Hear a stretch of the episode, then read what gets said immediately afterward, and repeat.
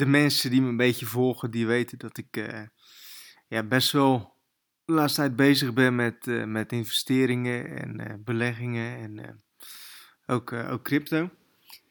En um, het is op zich wel, wel grappig wat ik deze week heb meegemaakt.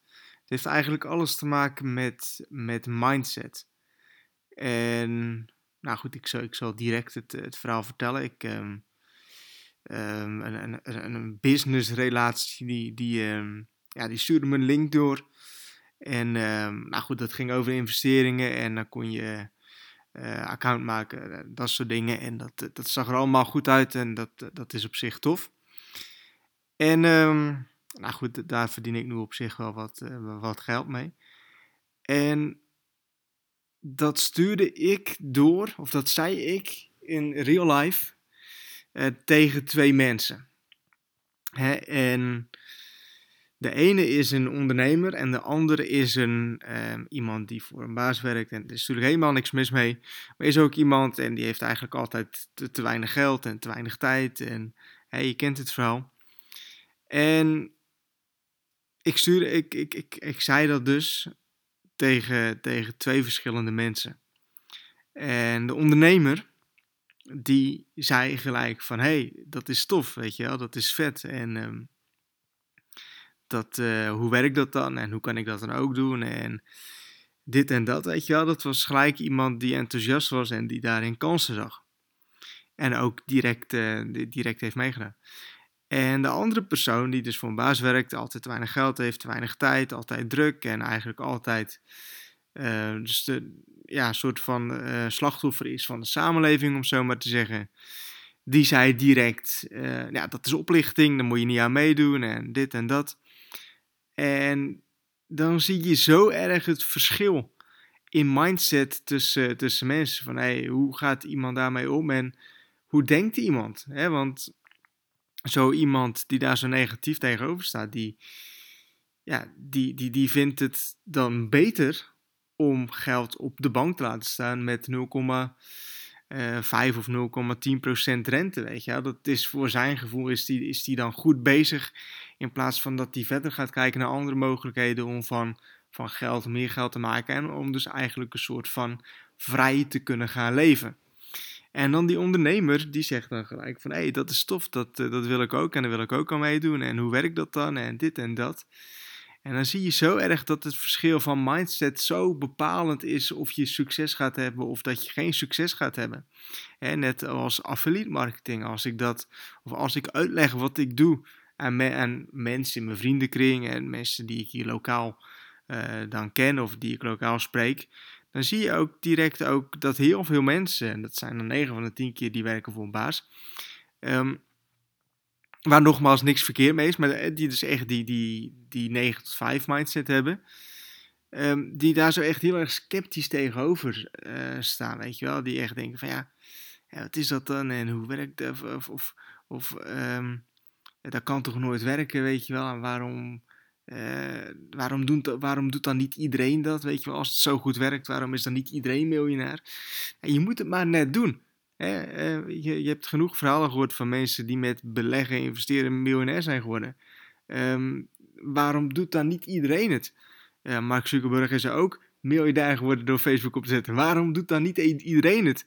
Ja, je moet het maar net doen.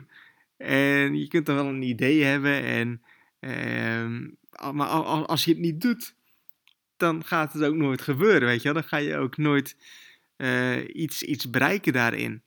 Dus ja.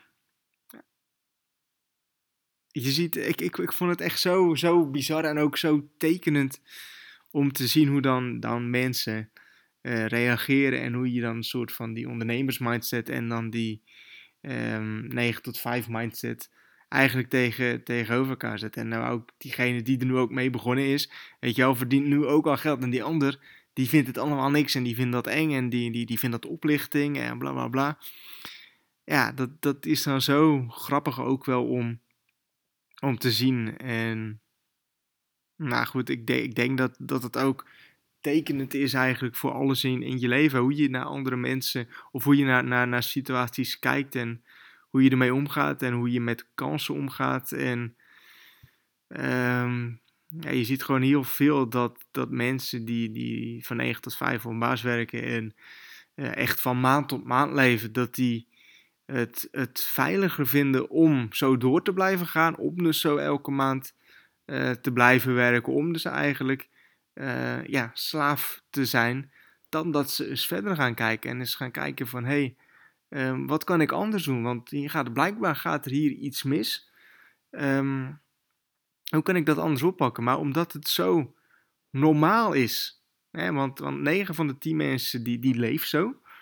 Uh, die leeft op die manier. Die leeft van, maand tot maand. En die leeft om voor baas te werken. En um, die, die leeft van, van, van, één keer per jaar op vakantie te gaan. En nogmaals, als je dat leuk vindt. Want ik ken ook genoeg mensen die, die dat gewoon ook leuk vinden.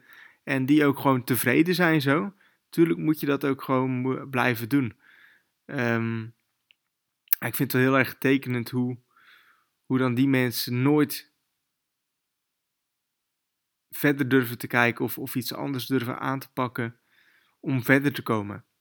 Um, ik denk juist, en daar ben ik de laatste tijd steeds meer achter gaan komen, dat, dat je juist datgene moet doen wat de meerderheid van de mensen niet doet. Want als je doet wat de meerderheid van de mensen doet, dan heb je ook het resultaat wat de meerderheid van de mensen doet. Nee, dan heb je ook dat resultaat wat die mensen hebben. Maar als je juist anders gaat denken en als je anders gaat doen dan wat de meeste andere mensen doen, dan krijg je ook andere resultaten. Dat kan goed uitpakken, dat kan ook slecht uitpakken. En dat is natuurlijk een risico wat je neemt. Maar ik ben me steeds meer gaan beseffen dat je, dat als je ook een risico durft te nemen, dat je anders durft te denken, dat je anders durft te doen dan de meeste andere mensen, dan ga je ook verder komen. En Um, ook veel mensen die, hè, toen ik twijfelde of ik ondernemer wilde worden, um, nou, dan ga je natuurlijk advies vragen aan, aan kennissen, aan familie, aan vrienden. En als je dat advies gaat vragen aan mensen die voor een baas werken, dan krijg je altijd advies van nee, ik zou het niet doen, want je hebt zoveel risico en je kan beter je school afmaken, bla bla bla. Dat zijn natuurlijk mensen, ja, daar kun je geen advies, geen ondernemersadvies op vragen, want die zijn geen ondernemer. En als je datzelfde zou vragen aan een ondernemer, van hey, moet ik ondernemer worden? Dan zegt zo iemand, ja, dat moet je zeker doen, dat is vet. En ja, dat is zo, ja, zo, zo grappig om, de, om te zien. Het is puur een mindset dingetje. En um, nou goed, eh, ik, ik denk ook dat je altijd je eigen weg moet gaan.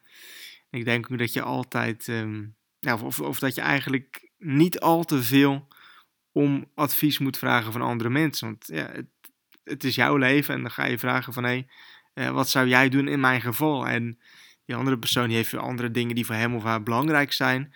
En heeft weer andere dromen en doelen. Dus daar kun je nooit een, een 100% passend antwoord mee krijgen. Tuurlijk is het wel goed om af en toe een beetje om advies te vragen, om, om meningen te vragen, maar laat het je niet uh, leiden, want het is jouw leven, het zijn jouw keuzes, het zijn jouw dromen, het zijn jouw doelen. Dus jij moet het doen en um, niemand anders gaat het voor je doen. Hoop dat je wat hebt aan deze podcast en dan wens ik je nog een uh, fijne dag toe.